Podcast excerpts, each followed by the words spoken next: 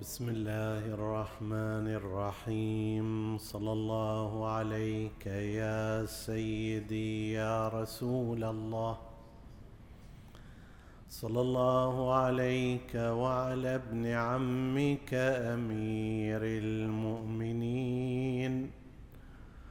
وإمام المتقين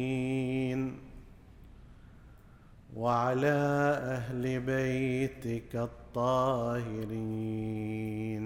صلى الله عليك يا سيدي يا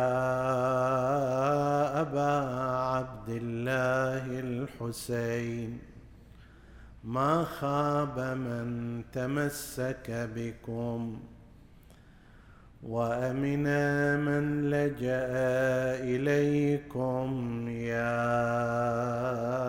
ليتنا كنا معكم فنفوز فوزا عظيما. عطروا مجالسكم بذكر محمد وآل محمد.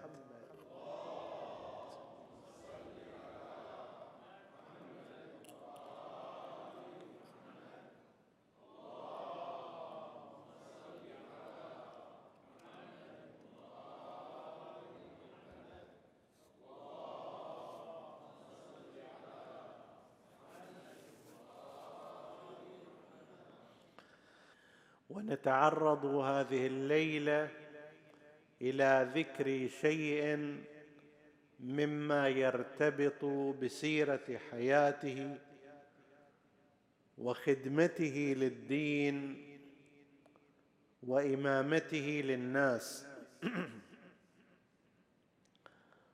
سيكون حديثنا بإذن الله تعالى في الإجابة على فكرة هل أن الإمام عليه السلام عاش في ظروف يسيرة وهادئة فمكنه ذلك من أن يقوم ببث العلم والمعرفة وبلورة أحكام المذهب وعقائده أو أن الأمر لم يكن هكذا وإنما كان عصره وزمانه من أصعب العصور التي مرت على على الأئمة إن لم يكن أصعبها. الفكرة الشائعه عند قسم من الباحثين والمؤرخين أن زمان الإمام الصادق عليه السلام لما كان عصر انحدار الدولة الأموية ونهايتها وعصر بداية الدولة العباسية وبالتالي لم تكن في أوج قوتها. هذا الظرف هيأ للإمام الصادق فرصة جيدة لنشر علومه صلوات الله عليه وبيان أحكام الدين بما لم يتيسر لآبائه أو أبنائه.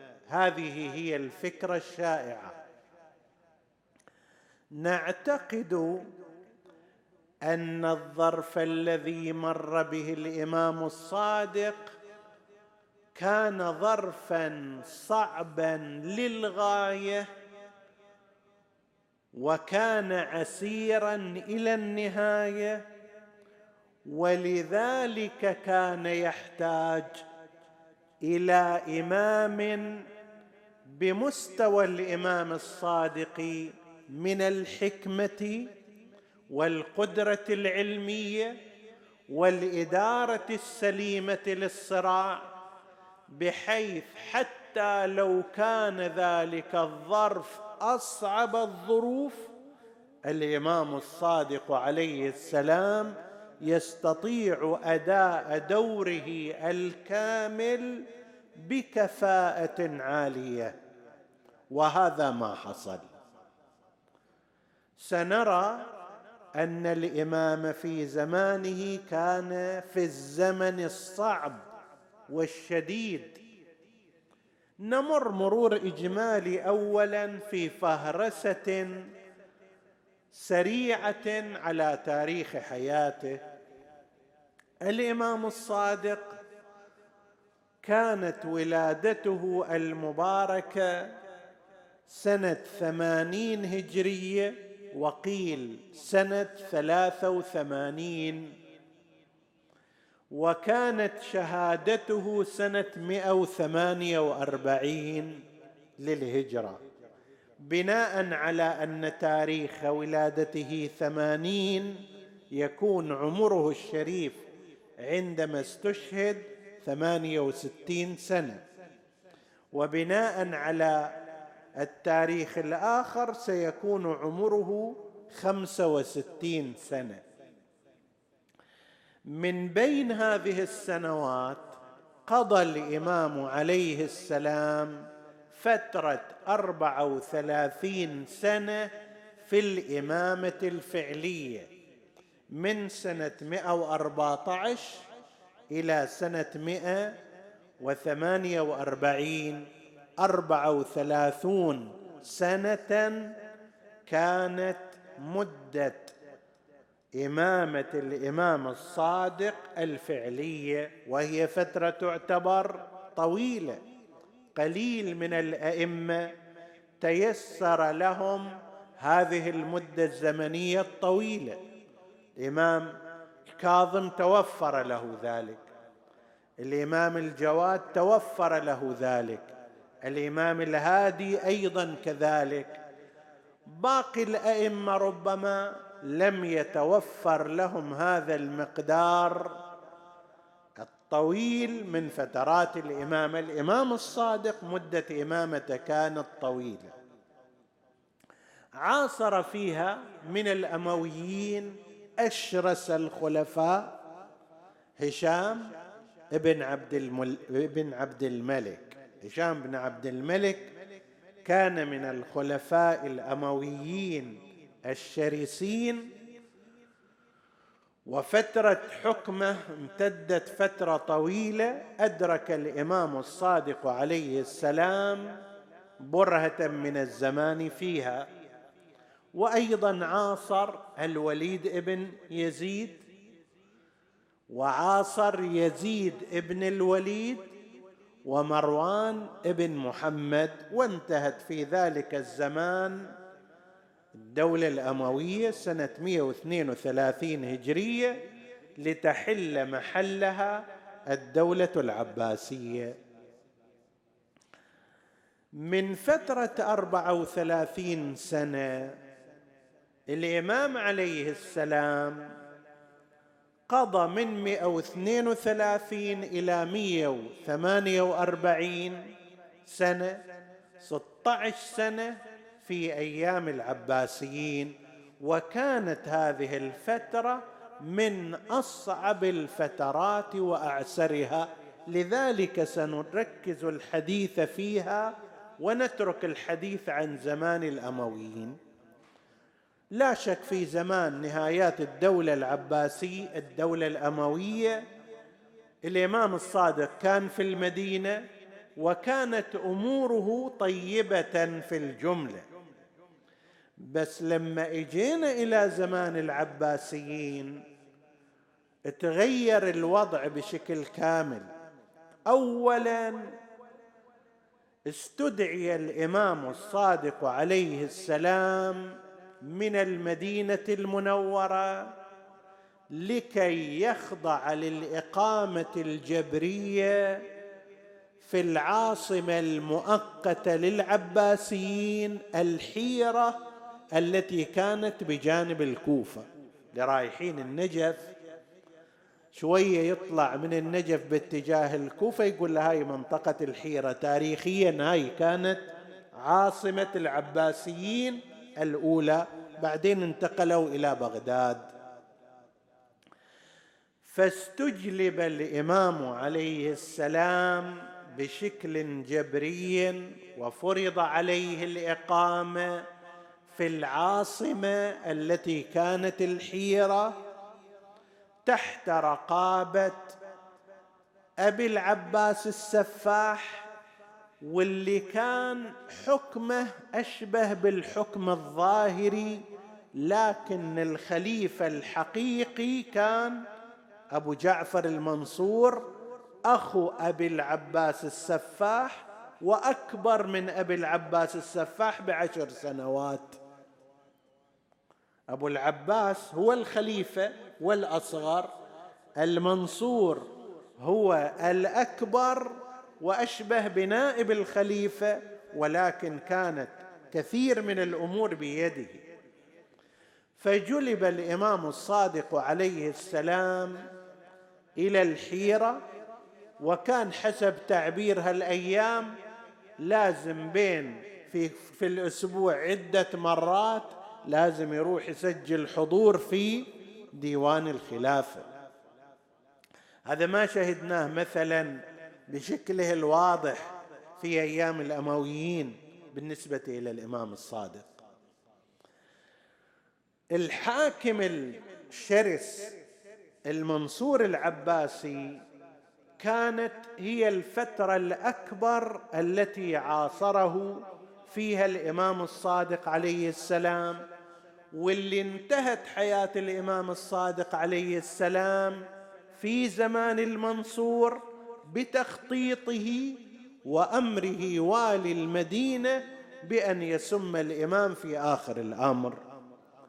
قبل هذا هو نفس المنصور العباسي يذكرون عنه خصال سيئة للغاية منها البخل ولذلك عرف بأبي الدوانيق أو الدوانيقي واللي نسبة إلى الدانق. الدانق جزء الدرهم. الدرهم عشر الدينار والدرهم يتكون من عدة دوانيق. يعني مثل الريال وهللة شلون؟ فكان مثل ما تقول واحد أبو الهللات مثلا الآن. طيب هذا خليفة. وكان معروفا بعدم سخائه. بل بأخذه من الناس. أشاع في الناس فكرة أنه الخليفة راح يوزع أموال.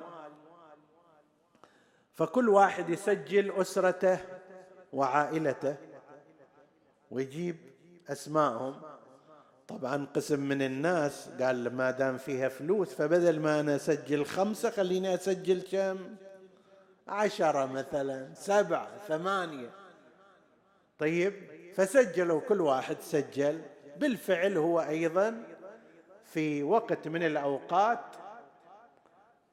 أعطى عن كل واحد خمسة دراهم. فهذول اللي كانوا راجين شيء كثير تبين أن القضية قضية شنو؟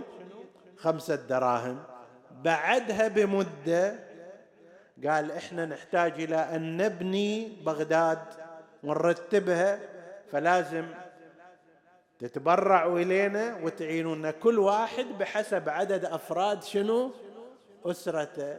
فهذا أبو العشرة أشخاص في داخل البيت الآن لازم يدفع شنو؟ يابا أنا مو هالشكل ما عندي إلا خمسة. قال لا أنت مسجل بعد عشرة. هذا بخط يمينك. حتى قال بعضهم يا لقومي ما لقينا من أمير المؤمنين قسم الخمسة فينا وجبان الأربعين. قال على كل واحد لازم يدفع أربعين مساهمة بالتالي شوارع إلى آخره. فذاك اللي حصل خمسين درهم أعطوه عن كل واحد خمسة أن لازم يدفع الآن كم؟ أربعمائة. لأن طلب من كل واحد منهم أربعين وهذا عنده عشرة أربعمائة. هذا هم يذكروها كمثال على الخسة مالته. أنت ما تنفق أيضا من فلوسك هذا بيت مال المسلمين. وأما الغدر فحدث عنه ولا حرج. ما عنده شيء اسمه ميثاق اسمه تعهد اسمه كلمة رجل ابدا. يعطيك الآن أعظم المواثيق موقعة وممهورة يوم ثاني يقتلك. ما في عنده في هذا إباء حتى أنه لما أراد أن يستدرج أحد الحسنيين وهو محمد ابن عبد الله ابن الحسن المعروف بالنفس الزكية هذا ثار عليه حاول أن يقبض عليه ما قدر. سوت عمل تجسسي عظيم ما قدر. اشترى أباعر إلى ما شاء الله ووزعها على الأعراب. كل واحد يعطي خمسة يقول له بس أنت هاي الخمسة أباعر لك دور في الأماكن واسأل فلان وين كذا وجيب لنا الخبر وهذه الأباعر لك إلى أن عجز عنه آخر الأمر ما شاف نفسه يقدر عليه أعطاه الأمان قال له أرسل إلى رسالة أنه أنا سأغفر لك ما مضى وكذا وتعال إلنا وتصير النائب مالي ولك علي عهد الله وميثاقه وكتابه ومن أردت من الشهود وأنه لا تصاب بسوء ولا يمسك مكروه. فهو رد عليه محمد النفس الزكية قال له أي أمان أصدقك فيه؟ أمانك لأبي مسلم الخراساني؟ أبو مسلم الخراساني قائدكم العسكري. صاحب الفضل عليكم اللي جابكم انت استدرجته من خراسان إلى أنجة وبحيلة معينة جردته من السلاح ثم قتلته بعدما أعطيته الأمان. أم أمانك لعمك عبد الله بن علي؟ عم عم المنصور عبد الله بن علي. أيضا قال أنا حق بالخلافة وأراد أن يسوي كذا وأعلن معارضته. فقال له خلاص أنت بدل ما تعلن أنك خليفة أنت تصير النائب مالي. أنا الخليفة الآن المنصور وأنت النائب بس تعال نتفاهم. ولك الأمان بما تريد وهذا الكتاب خط أمان. راح هذا المسكين إجا ومصدق. يوم أول ما قعد أمر بقتله. أم أمانك لابن هبيرة؟ أيضا وظل قص عليه فالرجل كان غدارا.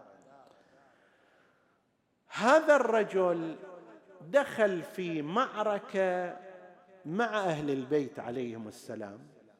الحسنيين لو خلى المسألة في حدودها إله وجه واحد ثار عليك أنت أيضا تحاربه.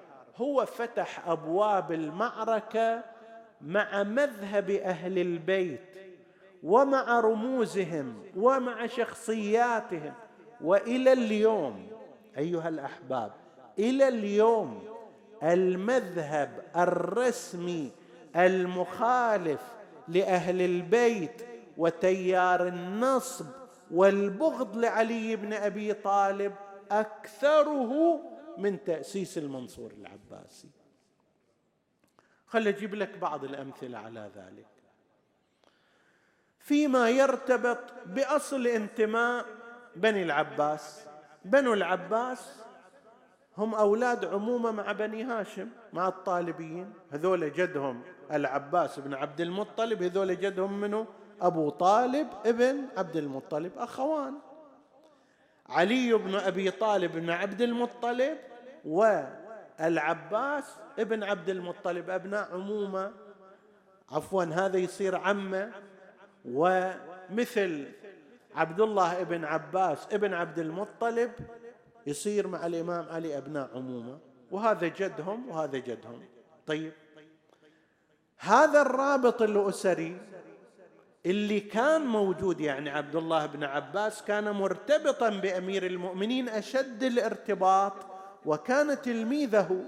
بل العباس جدهم كان يؤثر عنه بعض المواقف في الدفاع عن علي وخلافته. أول الأمر.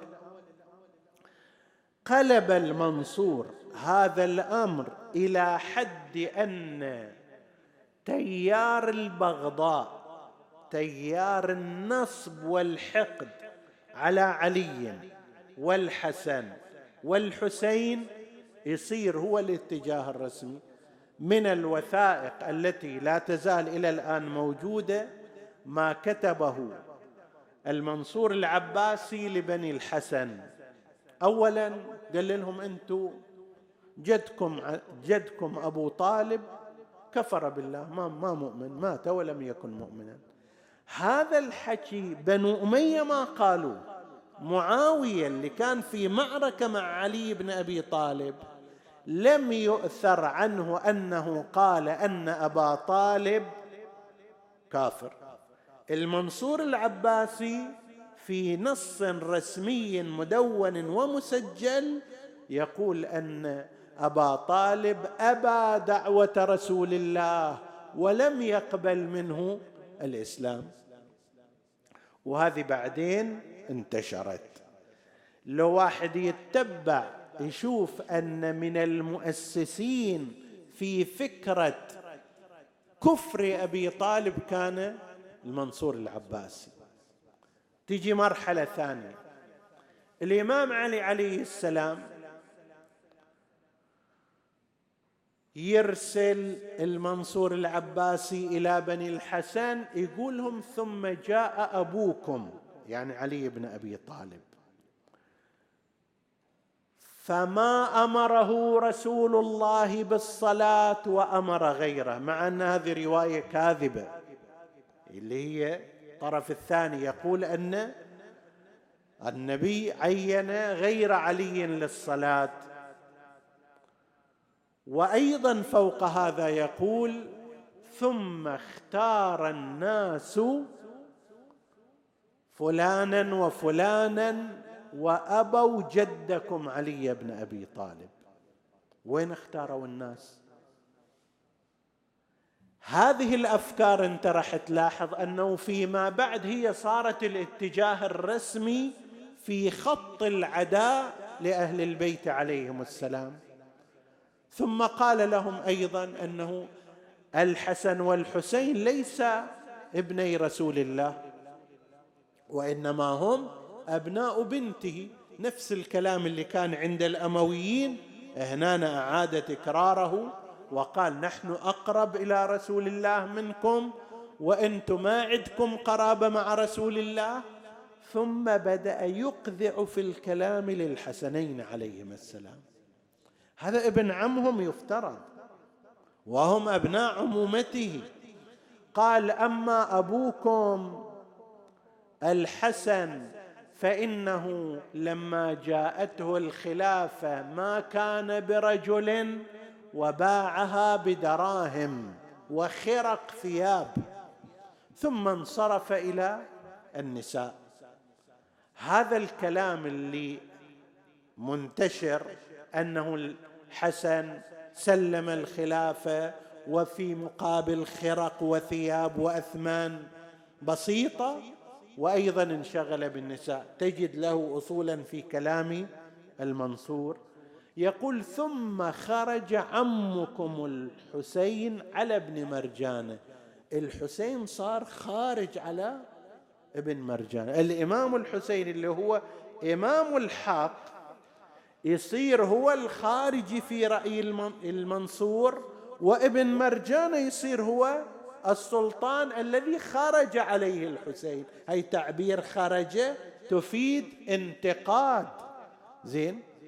هذا نفس الكلام الذي يقوله مثل ابن زياد عن الحسين عليه السلام أنه هؤلاء خوارج وهو خرج على أمير المؤمنين. هذا نفس الكلام يقوله من؟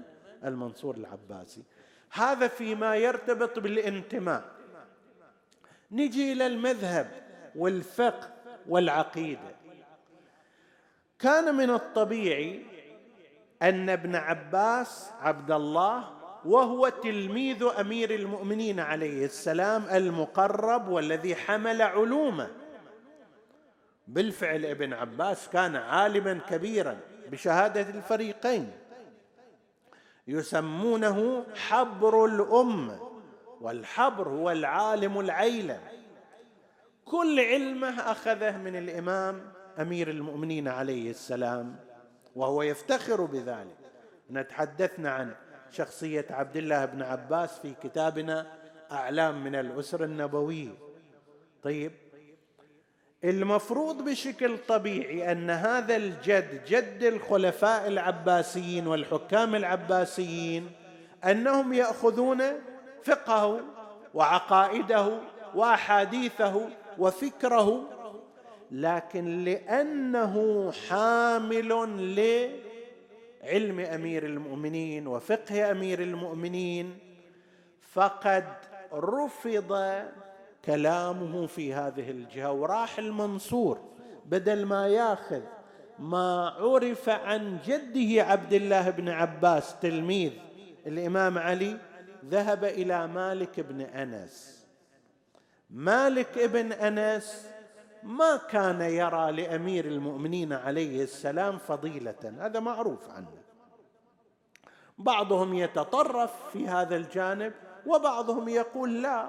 هو يقول أنه أفضل الناس بعد رسول الله فلان ثم فلان ثم لا نفاضل بين الناس. ماكو بينهم أفضل. يعني علي بن أبي طالب حتى مو في المرتبة الرابعة بعده. حال حال سائر الناس.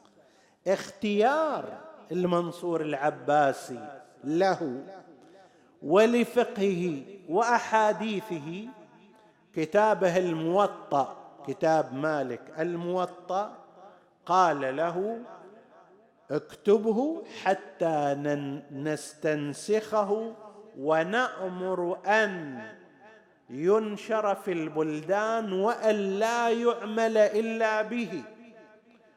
مع موقف يذكره المؤرخون لمالك ابن أنس عن الإمام علي عليه السلام وبعض الكتاب يقول تتبعنا أيضا كتاب الموطأ ما وجدنا فيه أحاديث لأمير المؤمنين عليه السلام. هاي المفروض أنها أحاديث عن رسول الله. إذا ما كان في أحاديث عن أمير المؤمنين لرسول الله وهو باب مدينة علمه فأي الأحاديث الأخرى لازم تكون موجودة. هو الغرض من المنصور أن يبعد كل تأثير لأمير المؤمنين ولأهل البيت عليهم السلام في هذه الأمة فصار منهج جديد في الأمة. صار فقه رسمي معمم على كل مكان. حتى نقل أن مالك قال له يعني يا أمير المؤمنين ترى الناس سمعوا كثيرا من أحاديث رسول الله مختلفة مو بس أنا اللي سمع فلا يعملون به. قال اذا نجلدهم بالسياط لازم يعملوا بهذا. فعلى المستوى الفقهي على المستوى التنظيمي والقانوني بالإضافة إلى مستوى العقائد كما قلنا خط النصب دشنه المنصور العباسي. خط إبعاد الفقه والعقائد الدينية المرتبطة بأهل البيت عليهم السلام والأحكام الشرعية أبعده أيضا. تجي المرحلة الثالثة وهي إيذاء العترة والنكاية بها. المنصور قام بكثير من الأمور التي تنتهي إلى تقزيم وتحجيم عترة النبي محمد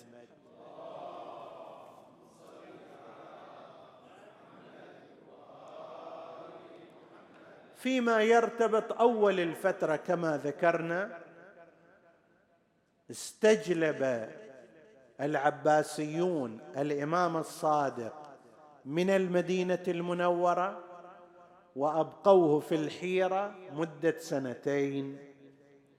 ثم في وقت طبعا لما يستجلب على رغم إرادته وتفرض عليه الاقامه الجبرية في مكان آخر معنى ذلك هذول تلامذته اللي كانوا في المدينة اهله انصاره من يكونون معه من يأتمون به من يأخذون العلم عنه ينفصلون عنه. فبقي فترة من الزمان في الحيرة مدة سنتين. ثم فيما بعد أيضا في حوالي سنة 145 هجرية قبل شهادة الإمام بحوالي ثلاث سنوات. الرواية عن الإمام الصادق عليه السلام وفيها كلام عجيب. يقول لما قتل المنصور محمد النفس الزكية صار معركة بينهم وانقتل فيها محمد النفس الزكية من بني هاشم وتغلب المنصور عليه بعد ذلك عدة أمور سوى هذا المنصور. الأمر الأول أنه أمر بأن يحسر عن المدينة بنو هاشم. قال الإمام الصادق بحسب الرواية فحسرنا عن المدينة حتى لم يبق فيها محتلم إلا أخذ إلى المنصور. تدري معنى هذا شنو؟ معنى كل الأسرة من البالغين الرجال صار عليهم تهجير جماعي من المدينة إلى بغداد. تتصور مثلا كم؟ مئات أكثر أقل. لو واحد قال البيت الفلاني أسرتك أنت آل فلان كل واحد فوق سن الاحتلام يعني كل واحد عمره 15 سنة وفوق من الرجال لازم يؤخذ ويجيبوه إلى هناك. قال فحسرنا الإمام الصادق فحسرنا عن المدينة. يعني بضمنهم الإمام الكاظم عليه السلام بضمنهم بقية الأبناء إسماعيل غيره. فحسرنا عن المدينة حتى لم يبق فيها محتلم حتى جيء بنا إلى المنصور فأبقونا شهرا شهر كامل. ما ندري شنو الموضوع؟ ما حد يجي لنا أبقوا خلاص. حتى إذا مر شهر كامل أرسل المنصور إليهم قال أدخلوا علي اثنين من أهل الحجى فيكم. اثنين عقال حسب التعبير. هذا يعني على أساس هو عاقل بمثل هذه التصرفات. يقول الإمام الصادق فدخلت عليه أنا وفلان واحد من أبناء الحسن. فلما دخلنا عليه ظل جالسا ونحن واقفون. فقال أتدرون لما أتيت بكم؟ قلنا له لا يعلم الغيب إلا الله. قال إنما أتيت بكم لأهدم دياركم وأخرب ربوعكم وأقتلكم عن آخركم. قتل إليكم تدمير لمنازلكم ولمزارعكم ورباعكم وأحيائكم كلها هذه. فالإمام الصادق عليه السلام تولى الكلام وأراد أن أن يخفف حالة التشنج وهذه من حكمة الإمام عليه السلام. مثل هذا الطاغية الجبار المتفرعن يحتاج اليه إلى رجل كامل الحكمة كالإمام الصادق عليه السلام. فقال له يا أمير المؤمنين إن أيوب ابتلي فصبر وإن داود وسليمان أعطي فشكر وأنت من أولئك وأولى بهم. فسكت المنصور وقال أعد علي ما قلت. فأعاد عليه نفس الكلام وهدأت غضبة المنصور. هذا الكلام أنا ربما نقلته في مكان آخر أعيده هنا لاهميته بعض الأشخاص يسأل يقول كيف الإمام يقول لخليفة زمانه يا أمير المؤمنين؟ الجواب على ذلك لأن عدم قول ذلك معناه أنني أعارضك علانية وجهارا مو ذاك الزمان هالزمان الآن لو تروح إلى رئيس من الرؤساء سلطان من السلاطين وتناديه باسمه. تقول له يا فلان ما تقول له يا أيها السلطان يا رئيس الجمهورية يا حاكم البلاد. ماذا يعدك في هذه الحالة؟ لو قلت له يا فلان طبيعي سيحسب هذا أنك تتنكر لمثل منصبه. وخصوصا إذا كان شخصا السيف إلى جانبه وأمر القتل أهون عليه من كل شيء. الإمام بدل هذا قال يا أمير المؤمنين وجاء له بكلام مناسب لذلك الموقع فهدأ ثم حدثه حديثا عن الرحم.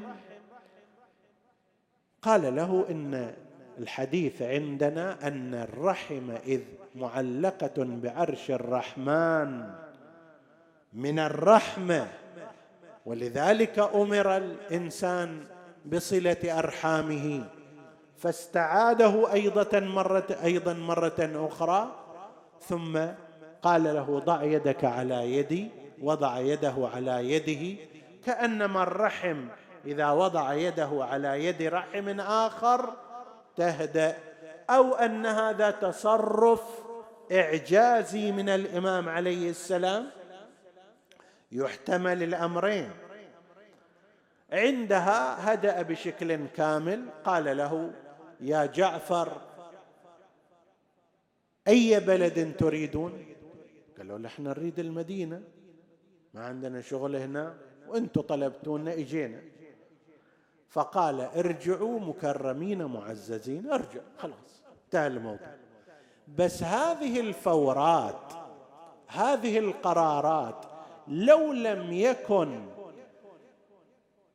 إمام كالإمام الصادق عليه السلام بهذه الحكمة بهذا التدبير بهذا الأسلوب ربما كان الأمر شيئا آخر.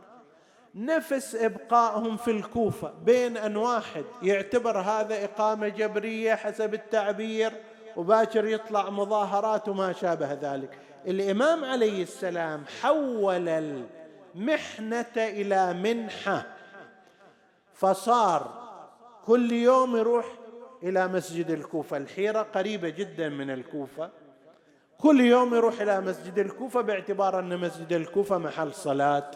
فيجتمع حوله الناس فأسس بهذه الطريقة خلال سنتين جامعة علمية عظيمة في الكوفة إلى الدرجة التي يقول أحد الرواة فيها وهو الحسن ابن علي الوشاء يقول أدركت في مسجد الكوفة تسعمائة شيخ هو هذا من طبقة أصحاب الإمام الكاظم والرضا الحسن الوشاء.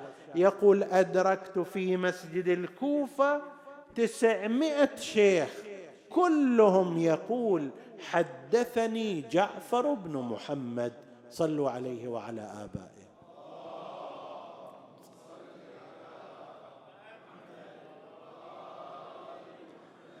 هذا التدبير اللي ذاك الحاكم العباسي أراد منه إخراج الإمام من المدينة وإبقاءه في بيته وحصره وحصر علمه حوله الإمام عليه السلام بحسن تدبيره وببلاغة حكمته إلى جامعة من الجامعات العجيبة الغريبة تسعمائة واحد يروي رواية مباشرة عن الإمام عليه السلام. إذا أنت تصور إذا كل واحد من هنا التسعمية عند تلميذ واحد كم العدد راح يكون؟ ولذلك فقد نقل المؤرخون والرجاليون كابن عقدة وهو من الرجاليين الأثبات عند الطرفين. وكالشيخ المفيد وهو شيخ الطائفة الإمامية في زمانه يقول أخذ عن جعفر بن محمد الصادق العلم نحو أربعة آلاف راوي من الرواة وعالم من العلماء. أربعة آلاف. تدري ماذا يعني لكي تخرج أربعة آلاف واحد؟ معناه لازم تسوي جامعة وطاقم تدريسي مفصل وسنوات كثيرة حتى تقدر تخرج أربعة آلاف طالب من العلماء والفقهاء والفضلاء من أتباع أهل البيت ومن غيرهم. يعني حتى غير أتباع أهل البيت أخذوا عن الإمام الصادق عليه السلام العلم. وبهالمقدار اللي درسوا على الإمام خفت حالة العداوة لأهل البيت عليهم السلام. وإلا كان هو الاتجاه الرسمي. كان هو القانون الذي فرضته الخلافة العباسية. فالإمام الصادق عليه السلام بشكل مباشر وغير مباشر استطاع أن يعلم الأمة وأن يوجد فيها نسخة متميزة من الدين. خلاصة الموقف. لو سأل إنسان نفسه ماذا لو لم يكن؟ أهل البيت والإمام الصادق في تاريخ المسلمين. بس هذا السؤال. لو لم يكن أئمة الهدى لو لم يكن جعفر بن محمد في تاريخ المسلمين تعلمون ماذا كان يحصل؟ كان اليوم الإسلام كل نسخة واحدة من المشبهه والمجسمه الذين يعتقدون بأن الله تعالى عن ذلك وتقدس له يدون.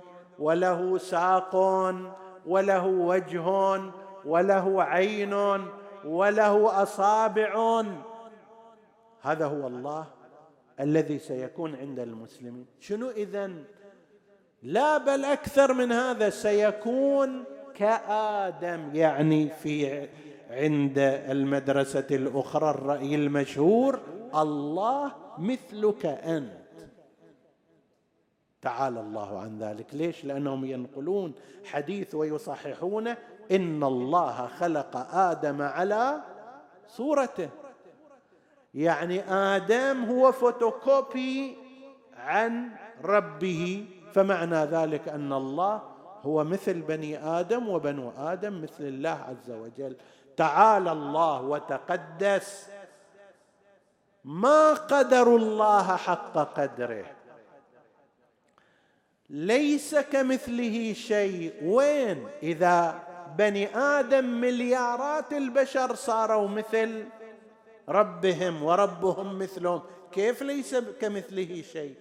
هنا يتبين أن أئمة الهدى عليهم السلام ماذا صنعوا في الأمة؟ إجوا قالوا هذه كلها أشياء باطلة مخالفة للقرآن الكريم. معارضة للمحكمات من الآيات. ولو لم يكونوا صلوات الله عليهم لوجدت جميع المسلمين في هذا الزمان بلا استثناء كانوا يؤمنون بهذه الأفكار.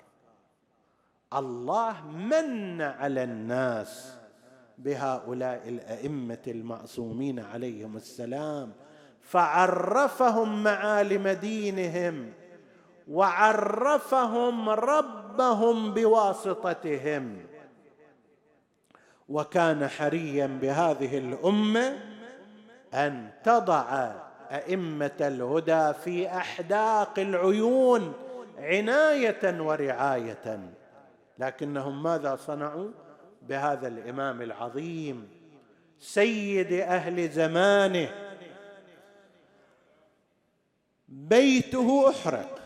الامام الصادق عليه السلام أحرق باب داره وسرت النار إلى الداخل. فقام الإمام عليه السلام هذا بأمر والي المدينة جعفر ابن سليمان من بني العباس والي المدينة من قبل المنصور وبأوامره.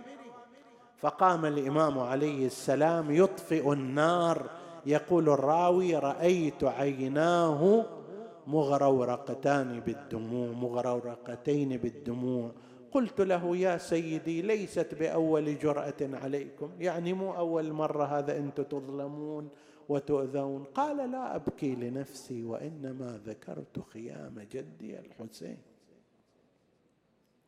أنا الآن أقدر أطفي النار هذه ولكن عندما أحرقت خيام جدي الحسين والأطفال يتفاررون يمينا وش فأنا أبكي لذلك اليوم ما أبكي على حالي. صلوات الله عليه وهو يؤذى ويظلم ولكن لا ينسى مظلومية جده الحسين صلوات الله وسلامه عليه. أحرقت رباعه مزرعة من مزارعه أحرقت بأمر ذلك الوالي اللعين. وآخر الأمر أنه أمر بأن يدس إلى إمامكم وإمامنا سما نقيعا قتالا. فدس إليه ذلك السم في طعام. فلما تجرعه إمامنا سرى السم في بدنه. أين المنادي وإمامه؟ وأوغل في احشائه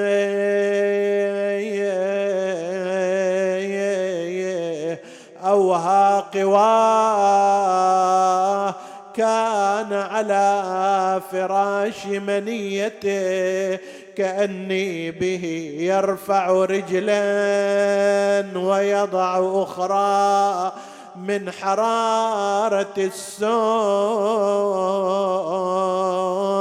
وعند احتضار اجله عز عليكم يا شيعة الإمام مدد يديه ورجليه غمض عينيه عرق جبين الإمام سكن أنينه أدار عينه في أهله. أستودعكم الله والله خليفتي عليكم وفاضت روحه الطاهرة. أين المنادي واماماه وسيداه ومظلوماه باشر الامام الكاظم في تغسيله وتجهيزه وحملت جنازته إلى البقيع حيث دفن إلى جوار والده الباقر أو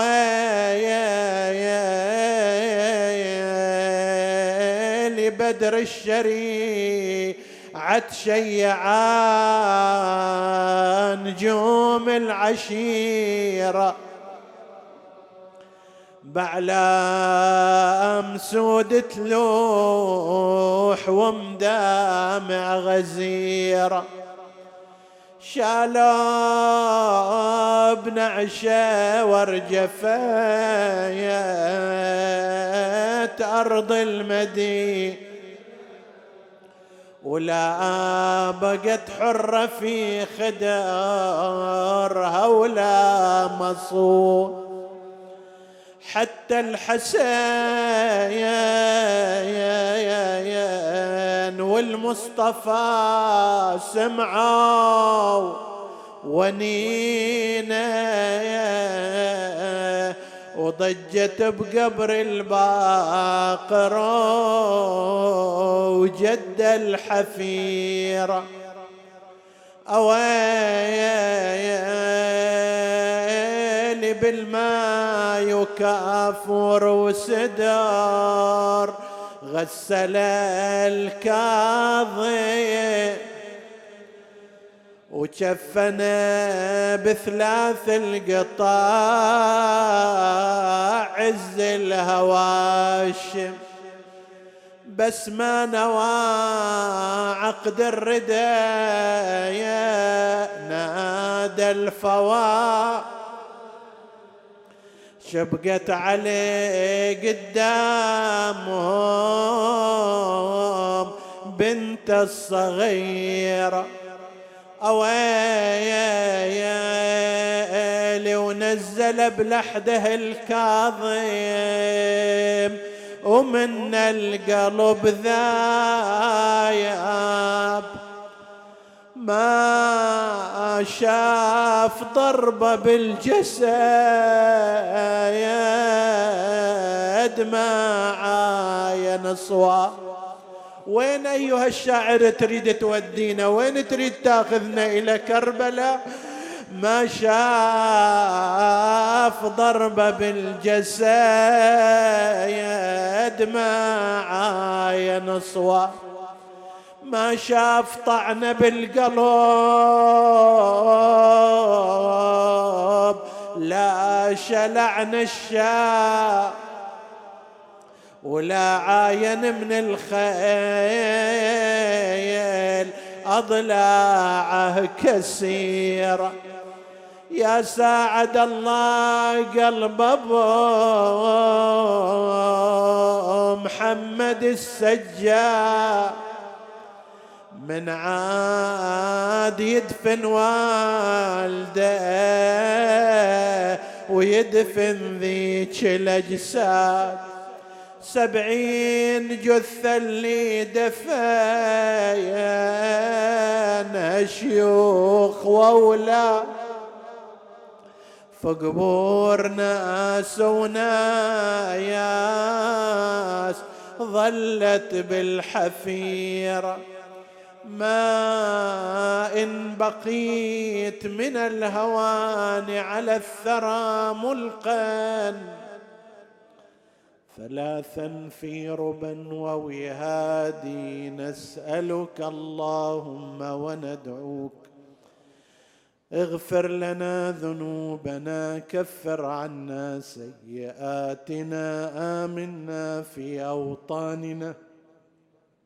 لا تسلط علينا من لا يخافك ولا يرحمنا. ولا تفرق بيننا وبين محمد وآله طرفة عين. احفظ اللهم إخواني السامعين فردا فردا واقض حوائجهم. اشف اللهم مرضاهم وتقبل عمل المؤسسين بأحسن القبول إلى أرواح موتاهم وموتى السامعين.